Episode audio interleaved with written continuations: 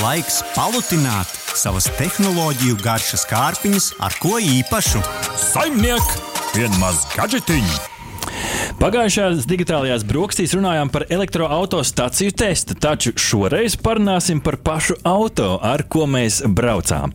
Audi e-tron GT 2022. gada versija. Sportisks elektroauto, četras durvis, bet nu, cenas dēļ noteikti iekrīt tajā ļoti dārgajā kategorijā. Un, ap citu, pēc izskata nu, mēs redzam, spriedām, ka nedaudz atgādina Porsche Taycan vai arī Tesla Model S. Taču, nu, saglabājot tās vizuālās Audi raksturiezīmes. Šī automašīna mūs ieintriģēja, protams, ne tikai tās skaistās sarkanās krāsas dēļ, bet arī tās tehnoloģiju dēļ. Jo, kā Rihards minēja, Audi e-tron GT no dārgā gala, līdz ar to mēs sagaidām arī, ka šeit būs kārtīgi tehnoloģiski aprīkots šī e-tron auto ģimenes atlētiskā atvase un beig beigās kādu pieredzi tas sniedz kā vadītājam, tā pasažieriem. Jo kā nekā, digitālās brokastis ir tehnoloģija dzīves stila raidījums. Automašīnu neatkarīgam un neapmaksātam apskatam uz testa laiku piešķīra Moller Auto Latvijā. Apskatoties uz eh, pašu auto, sāksim ar eh, izskatu un interjeru, jo to nevar ignorēt. Eh, tas pats par sevi jau ir kā mākslas darbs. Dizaineri un inženieri patiešām ir pastrādājuši garš, plats, zems, ar tādām aerodinamiskām aprisēm, sportisku un izteiktu priekšu un ultramodernu aizmuguri ar lukturiem, kādus es iepriekš vēl nebiju redzējis. Un visnotaļ auto liek atskatīties, auto liek piecelties no galda. Rihard, kas tev ir palicis atmiņā no tādiem spilgtākajām reakcijām, kuras mēs pieredzējām, esot pie šī auto stūres? Jā, nu tādi izsaucieni un tāda galvas pagriešana Ew, bija. Kas tas tāds? Principā, gan uz katru krustojumu, kur vien cilvēki bija. Uh, bet uh, nu, bija pat tāda reize, ka benzīna tankā cilvēki uzkāpa ar kājām uz sola, lai pāri uh, šim te nu, dzīvžogam ieraudzītu to mašīnu, jo viņi bija pabraukuši garām un gribēja noskatīties pakaļ, jā, kas tā kā tur izskatās. Nu, un, protams, bija arī vismaz viens, bet man liekas, bija vairāk izaicinājumu sacensties. Bija, bija, jā, mēs tā, tā nedarījām. Bet mēs bijām pieklājīgi un kārtīgi. Un jāatzīst, jāpiemetina ar teiktiem, ka sarkanā krāsa, protams, iedeva papildus efektu šim.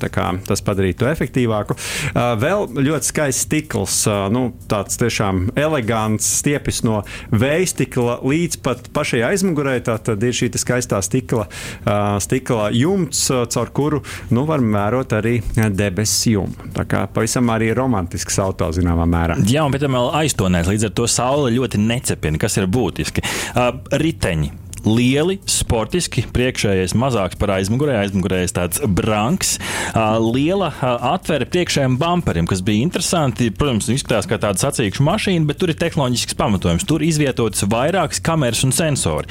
Aizmugurē izteikts difuzors apakšā un uz bagāžnieka malas elektronisks automātisks antispāns, kas paceļās un nolaižās pie noteiktām, noteiktiem ātrumiem un virāžām. Un durvis bez rāmja. Tas nav kaut kas jauns, bet jā, jāpiebilst, jo tāda būtiska nianse, kā tās atver un aizver. Jā, nu, ja mēs runājam par interjeru, tad nu, cik autosportisks ārpusē, tik tās līnijas ir izteiktas un ļoti ieturētas iekšpusē. Ir viens atsevišķs ekrāns priekšvadītāju un viens ekrāns arī viduskonsolē.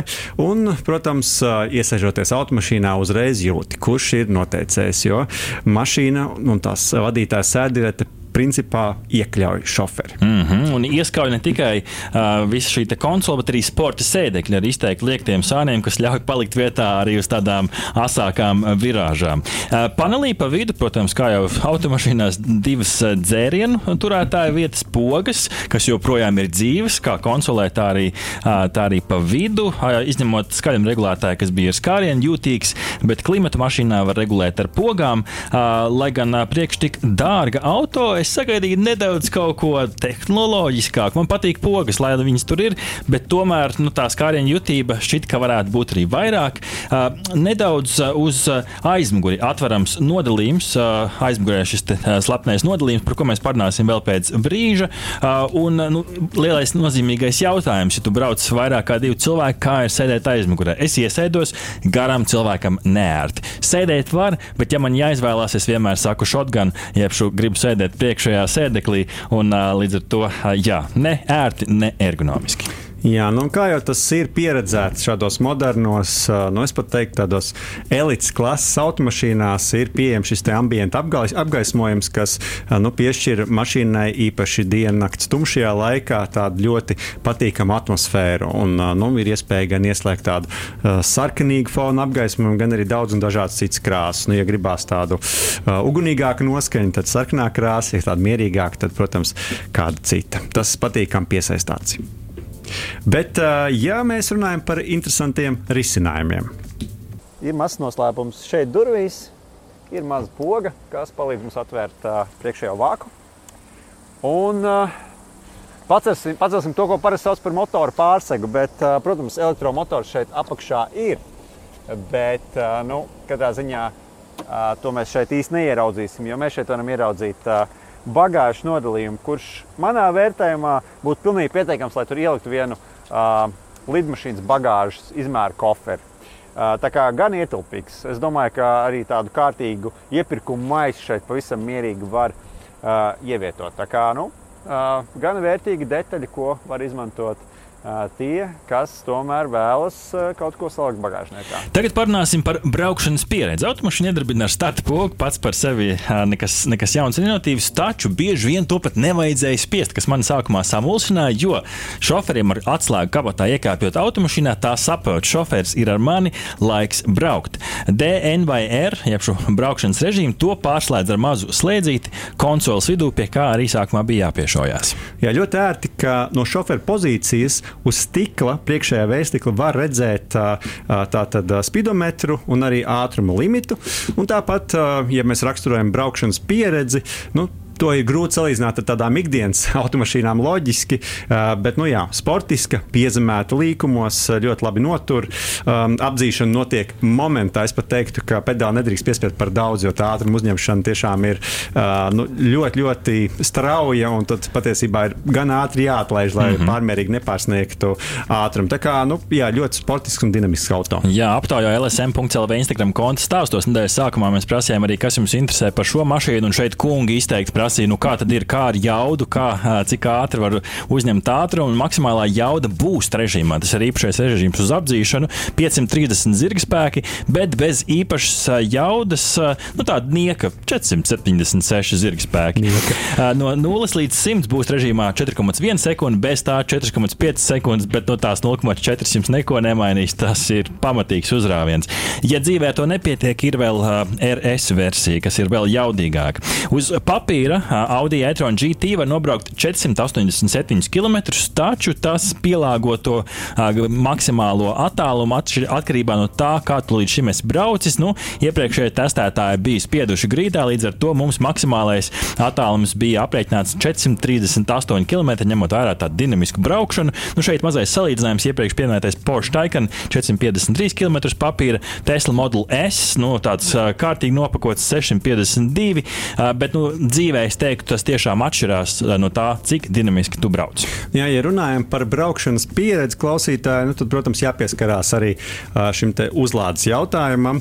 Uh, un, sapcīt, par to bija vairāk mūsu iepriekšējā raidījumā. Un tad varētu teikt, ka tā braukšanas pieredze, nu, pieredze tomēr zināmā mērā tiek nedaudz sabojāta. Jo nu, nevienmēr un visur tā uzrāda, nu, uzlāde notiek tik ātri, cik vajadzētu. Un, nu, jāpiemina tas, ka uh, e-tron GT ir diezgan pretīm nākoša un ņem pretī visu, ko uzlādes stacijas dod. Un tas, protams, ļoti pozitīvi, jo nu, Latvijā šobrīd pašā ātrākajā uzlādes punktā Ādažos mums izdevās 12 minūtēs ar ātrā uzlādi uzlādēt 34 kWh, kas jau ir ļoti pieklājīgs daudzums. Parunāsim vēl sīkāk par to tehnoloģisko pusi. Nu, mūsdienās šādām mašīnām ir jāpieliek klāt mākslīgā skaņa, jo tās pašas par sevi ir tik klusas, ka galvenais troksnis gan arī nāk tikai no riepām.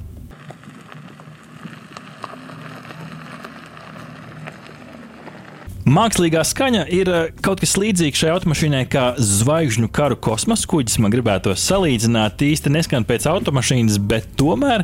Uh, un jāņem vērā uh, maza nianses, šeit sākās nu, tie mīnusiņi, ko gribās vilkt šai mašīnai, ka ļoti daudz no šīm funkcionalitātēm un ērtībām tās ir par maksu. Jā, nu, un viena no šādām uh, ērtībām ir arī uh, automašīnas pacelšana vai nolaišana atkarībā no braukšanas režīma. Tātad vai no efficiency, comfort Comfort vai Dynamic, tad attiecīgi automašīna pielāgo arī tās augstumu pret zemi. Jāprecizē, pneumatiskā piekaras sistēma, 2 cm paceļ augstāk un Tieši tā. zemāk šajos te režīmos. Un, jā, tā, Arī vizuāli varēja to labi novērot. Tas arī ir par ma- maksas, maksas pakā iekšā. Nu, no tehnoloģiskiem risinājumiem interesanta tāda praktiska nianse šķita bezvadu lādētājs. Es pieminēju iepriekš to atveramo caurumu centrālajā mantu nodalījumā. Telefons tur jāliek iekšā un sākumā mēs kasījām galvas. Kā taču neiet iekšā, nelādēs, izrādās jāpagriež un gan izvēl jāpaslēp. Nu, tā teikt, ārā no acīm, ārā no prāta, kas nav, protams, slikti. Varbūt negribēsies sēdēt telefonā. Automašīnā ir USB Type-C, jeb šī jaunā veida USB lādētāji, arī vederči vecais USB. Jā, nu, viena no iespaidīgākajām tehnoloģijām šajā mašīnā no tāda uh, braucēja perspektīvas bija arī priekšējās gaismas. Uh, nu, pirmkārt, jau ļoti stilīgi priekšējā luktura, tāda segmentēta pa daļām. Nu, Otrkārt, uh, tās ir arī inteliģentās lāzera gaismas. Tās arī tik jaudīgas, ka nu, tās ieslēdz tikai pie ātruma 70 km/h. Un, nu, tas, tā gaisma projicē tādu ļoti jaudīgu uh, staru kūli, un uh, nu, uz papīra tās spēj izgaismot pat 600 metrus uz priekšu, nu, kas ir aptuveni divas reizes tālāk par, par tradicionālajām gaismām. Jā, vien- viens ir jauda, otrs ir kā gaismas pašas saprot, kas tām atrodas priekšā. Nu, iztēlojamies tādu tumšu nakti un līkumainu ceļu uz brauciet, automašīna automātiski pat ir ieslēgusi tālās gaismas, viss spožs, spilgt izgaismot, un šeit aiz līkuma pretī tev nesās vēl viens šoferis. Nu, parastā mašīnā tu izslēdz gaismu, pēc tam ieslēdz. Šeit tas nav jādara, jo mašīna saprot, kur pretī ir braucošā mašīna un pa segmentiem. Čik, čik, čik, čik, šo mašīnu atstāja tumsā, izgaismojot visu pārējo, un pēc tam jau tālās gaismas atkal ir ieslēgts patiešām iespaidīgs sensoru darbs uz milisekundēm. Jā, nu runājot par sensoriem un kamerām, ļoti patīkami ir arī ar šo mašīnu braukt atmuguriski vai parkoties, jo nu, ir šis te 3D skats gan no augšas, gan arī iespēja pieslēgties kādai no kamerām sānos vai aizmugurē. Līdz ar to ļoti ērti. Jā, un šeit, ja mēs runājam par parkošanos, tad nu, šeit es izbaudīju patiešām tādu nākotnes pieskārienu šajā automašīnā, ā, jo ā, tā var pati noparkoties gan paralēli, kas ļoti daudz varētu interesēt, gan garāžas parkošanās. Diezgan izaicinoši tomēr elementi braukšanas nodarbībās arī. Un šī mašīna pati saprot, kā ir jāparkojas. Maznieks, tai sākumā ir jāparāda, jānobrauc ar pareizo sānu, esot ieslēgtam šim te inteliģentās parkošanās režīmam. Tajā brīdī, kad mašīna saprot, tur ir vieta, tad jau tur nospied podziņu, atlaid stūri un ļaujies braucienam, jo tā parkojas diezgan ātri un diezgan dinamiski. Tā kā ir jāuzticas šoreiz mākslīgajam intelektam.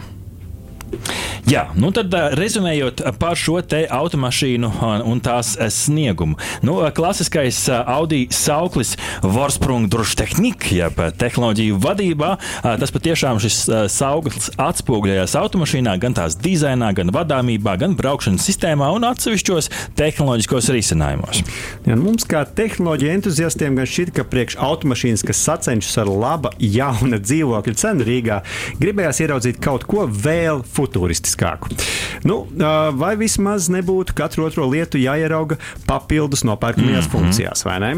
Un, piemēram, sēdekļu dzēsēšana vispār šajā modelī nebija, jo jau jāmeklē, tā jau jāmeklē S-line versijā. Protams, gan iepriekš minētā parkošanās, gan gaismas, gan kameras strādā izcili, un to nevajag novērtēt par zemu. Taču ēdienkarte lietām, par kurām ir jāpiemaksā, lai tās būtu automašīnā, bija tik plaša, ka mums bija jāsāk domāt, kā izskatās tas pats plikākais, jeb kārnākais modelis. Jā, nu beig beigās jau auto prieku gūst braucot, un ā, braukšanas kvalitāte bija patiešām izcila. Prieks auto ieraudzīt un ļoti grūti no tā atvadīties.